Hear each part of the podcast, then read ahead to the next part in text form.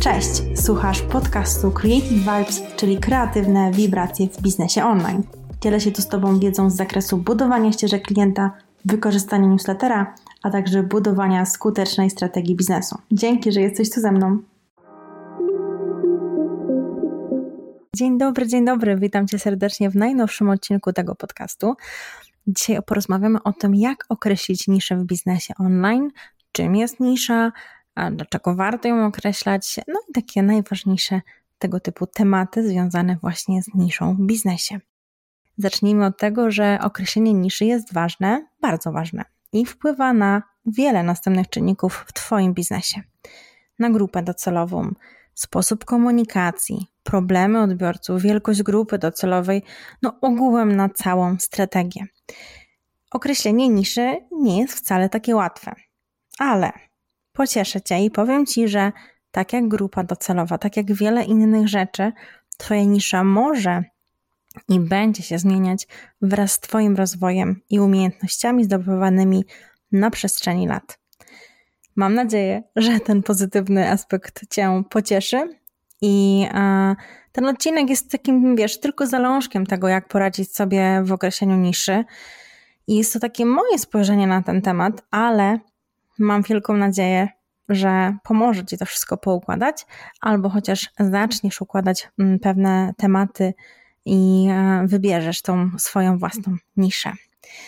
To, co mogę Ci poradzić na wstępie, to żeby czytać i słuchać dużo treści na ten temat, aby dostosować i dopasować sposób określenia niszy mm, tak, jak będzie Tobie najłatwiej.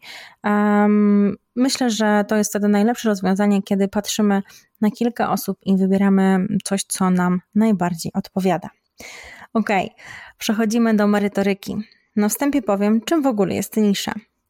Nisza biznesowa to taki segment rynku, który istnieje, mm, w którym istnieje zapotrzebowanie na określone produkty i usługi.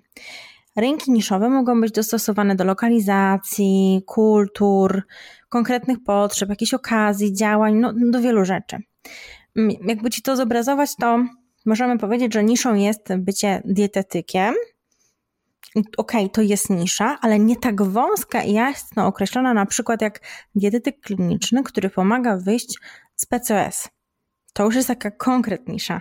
Widzisz, że tutaj już dokładnie wiemy, e, komu to pomaga. Dla kobiet, osób, które mają jakąś tam konkretną chorobę, e, czy po prostu jakieś schorzenie, i pomaga dokładnie, co zrobić i jakiej grupie docelowej kobietom, które mają PCOS.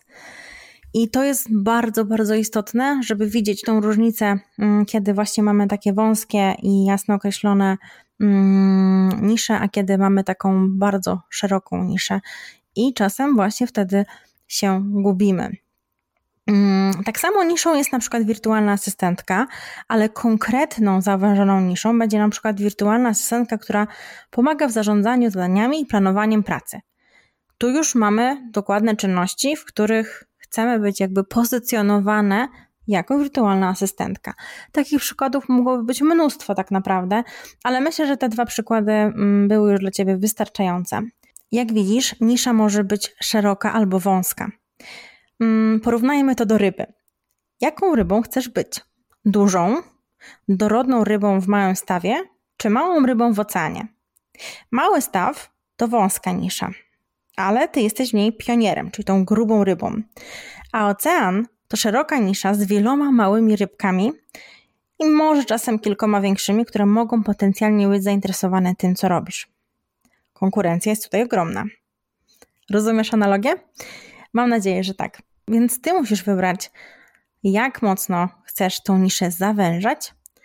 Czy jest to dla ciebie ok, czy nie. Czy jednak w pewnych aspektach potrzebujesz tą troszeczkę szerszą niszę. To jest moment na analizę tego, jak to wygląda. Ale jak w ogóle określić tą niszę? Przede wszystkim trzeba w pierwszym takim kroku określić swoje zainteresowania i mocne strony. Dla mnie poznanie siebie, swoich mocnych stron i zainteresowań to tak jakby kluczowy krok. A musimy wiedzieć, o czym lubimy się uczyć, co nas interesuje, w czym jesteśmy dobre. Więc zadaj sobie te trzy pytania. To są bardzo ważne rzeczy. Myślę, że one już powinny kierunkować to, w czym chcesz pomagać innym, co chcesz innym pokazywać. Drugim krokiem będzie identyfikacja problemu, jaki możesz rozwiązać dla swojego klienta. Jak wiesz, najważniejsze w prowadzeniu biznesu jest rozwiązanie problemów Twojego klienta. Dokładnie za to Ci płaci. Więc sprawdź, czy problem, który określiłaś, cieszy się zainteresowaniem. Możesz użyć, nie wiem, takich narzędzi jak Google, Google Trends, YouTube, Pinterest, a nawet Instagram czy TikTok. Po prostu miejsca, gdzie jest wyszukiwarka jakaś treści. Wpisuj frazy kluczowe, sprawdza, ile, raz, ile jest na przykład osób w danym segmencie rynkowym, e, co publikują, jak reagują ludzie, e, czy te osoby mają już jakieś po prostu społeczności, jeżeli tak, to jakie, czy jest to węższy segment rynku, czy nie. Możesz także sprawdzać grupy na Facebooku w poszukiwaniu konkretnych pytań, i najważniejsze, wszystko notuj, wszystko. Poszukaj po prostu rozwiązania konkretnego problemu i dokłania się właśnie do odpowiednie badań rynku i potrzeb Twojego potencjalnego lub aktualnego klienta. Musisz poznać swojego odbiorcę bardzo, bardzo dokładnie i dowiedzieć się, czego on potrzebuje, jaki jest jego palący problem, który Ty możesz rozwiązać. Pomyśl też czasem o tym, czego Ty szukałaś, kiedy zaczynałaś uczyć się w tym temacie. Być może to są dalej aktualne tematy, a ty już dawno zapomniałaś o tym, no bo przecież już jesteś x kroków dalej. Trzecim punktem będzie skupienie się na indywidualnościach. Co tutaj mam na myśli? Mm, nie chodzi po prostu o to, żeby tworzyć produkt dla każdego. Chcemy przyciągać ludzi, którzy dzielą się z Tobą e, Twoimi wartościami, są do Ciebie podobne, e, jakby czują nawet ten sam humor. I my musimy oszacować, ile jest tych osób, e, które są w stanie skorzystać e, jakby z Twojego segmentu niszy. E, jakby czy ten temat jest dosyć popularny, e, czy może się nikt na ten temat nie wypowiada. Myślimy o tych na przykład konkretnych osobach, które miałyby z tego skorzystać i jakie one by miały być. Tutaj już się kłania właśnie tworzenie takiej persony idealnej, nawet nie grupy docelowej, ale idealnej persony. Kim byłaby osoba, która miałaby korzystać z moich produktów? I ponownie powiem, przypomnij sobie siebie, zanim umiałaś rzeczy, które teraz uczysz lub teraz jakby dajesz, jeżeli pokazujesz pewne rzeczy um, swoim odbiorcom. Zastanów się, czego szukałaś. Jaki był Twój problem wtedy? Następnym krokiem będzie, jak zwykle, testowanie, eksperymentowanie i analiza, zbierając feedback. Skupianie się na tym, aby testy, które przeprowadzasz, zakończyły się dokładną analizą, co zrobiłaś, a czego nie zrobiłaś. Bierz pod uwagę, jak dużo pracowałaś nad widocznością w sieci, do ilu osób trafił Twój przekaz, bo bez tego będzie Ci ciężko przeanalizować rzeczy. Następnym krokiem jest też szukanie benchmarków, czyli osób, które już są w Twojej niszy i przeanalizuj, co dokładnie robią, jak robią, jakie produkty sprzedają. Przyjrzyj się tej konkurencji i zobacz, jakie tematy poruszają, na które treści reaguje najwięcej osób, dlaczego i tak dalej. No i ostatnim krokiem, który sugeruję wdrożyć, jest znalezienie swojego USP, czyli Unique Selling Proposition. Na polski tłumacząc, jest to taki unikalny wyróżnik marki. E, to jest coś, co sprawi, że zrobisz coś inaczej niż konkurencja. To może być sposób mówienia, ogólnej komunikacji, wygląd, sposób dostarczania produktu, wiele różnych rzeczy. Musisz je określić. W czym jesteś inna i co inaczej zrobisz niż Twoja konkurencja. Tutaj nie chodzi też tylko o jakby logo i kolory, tylko taki wyróżnik, który po prostu będzie przyciągał. Trochę jak taka cecha charakteru. Pomyśl po tym w ten sposób. No dobrze, no to teorię o niszy, jak ją określić, mamy już za sobą. No i w głowie masz pewnie pytanie, jak ją testować, jak to robić, po prostu jak mam to zrobić. Ja bym to zrobiła po prostu w takich e, trzech krokach. Mocno bym postawiła na to, żeby mm, tworzyć głębokie relacje wiadomości prywatne, wywiady pogłębione, live'y, personalizowane maile w poszczególnych segmentach. Mm, to jest taka pierwsza rzecz, którą bym wzięła jako rzecz, którą muszę robić, żeby potem przeanalizować, czy moje testy wyszły dobrze. E, następną rzeczą byłoby hmm, coś takiego bardzo e, fajnego, czyli mieć w tyłku konkurencję. Dokładnie. E, nie patrz kurczowo na to, co robi Twoja konkurencja. Nie patrz na każdy krok i przestań porównywać się do konkurencji. Ja zawsze twierdzę, że na każdego jest miejsce w sieci. I ty to, co powinnaś zrobić, to skupić się na swoim USP, na tym swoim Unique Selling Proposition, na tym, żeby je było widać, na tym, żeby sami odbiorcy wybrali, która z osób jest dla nich bardziej odpowiednia. Bo tutaj nie chodzi o to, żeby po prostu e, przepychać się na tym rynku, żeby podkładać sobie kłody, tylko zaakceptować to, że jedni odbiorcy będą lubili tych osób, a drugi tamtych. To jest dokładnie tak jak z wyborem restauracji. Przecież no, idziesz tam, gdzie jest ci miło, fajnie, gdzie dobrze zjesz, gdzie jest fajna obsługa i być może takich miejsc jest wiele. Ale twoją dzisiejszą aktualną potrzebą jest jedzenie, nie wiem, pierogów ruskich, więc idziesz po prostu do pierogarni, a nie do restauracji, która na przykład sprzedaje hinduskie jedzenie. To jest kwestia wyboru odbiorcy, jego potrzeb i tego, jakie po prostu ma upodobania na dany moment lub zawsze. Więc przestańmy się przepychać, przestańmy myśleć tylko o tym, że ta konkurencja jest, bo bardzo często to blokuje nas w tym, żeby w ogóle jakiekolwiek kroki podejmować. Strasznie chcemy tą konkurencję naśladować, a moim zdaniem to jest no, gorszy, gorszy ruch niż to, żeby skupić się na swoim USP. E, trzecią rzeczą, którą bym zrobiła, to przede wszystkim pracowałabym mocno nad, zwiększeniem widoczności sieci. E, widoczność w sieci to jest e, taki jeden z kluczowych elementów i bardzo mocno trzeba zadbać o to, żeby być widzianą, zauważoną, kojarzoną. Jeśli chcesz wiedzieć więcej, jak zwiększyć widoczność w sieci, to zapraszam Cię do mojego szkolenia Projekt Widoczność w sieci i tam dokładnie omawiam, jakie rzeczy można zrobić, co można robić, dlaczego warto robić, z czego korzystać.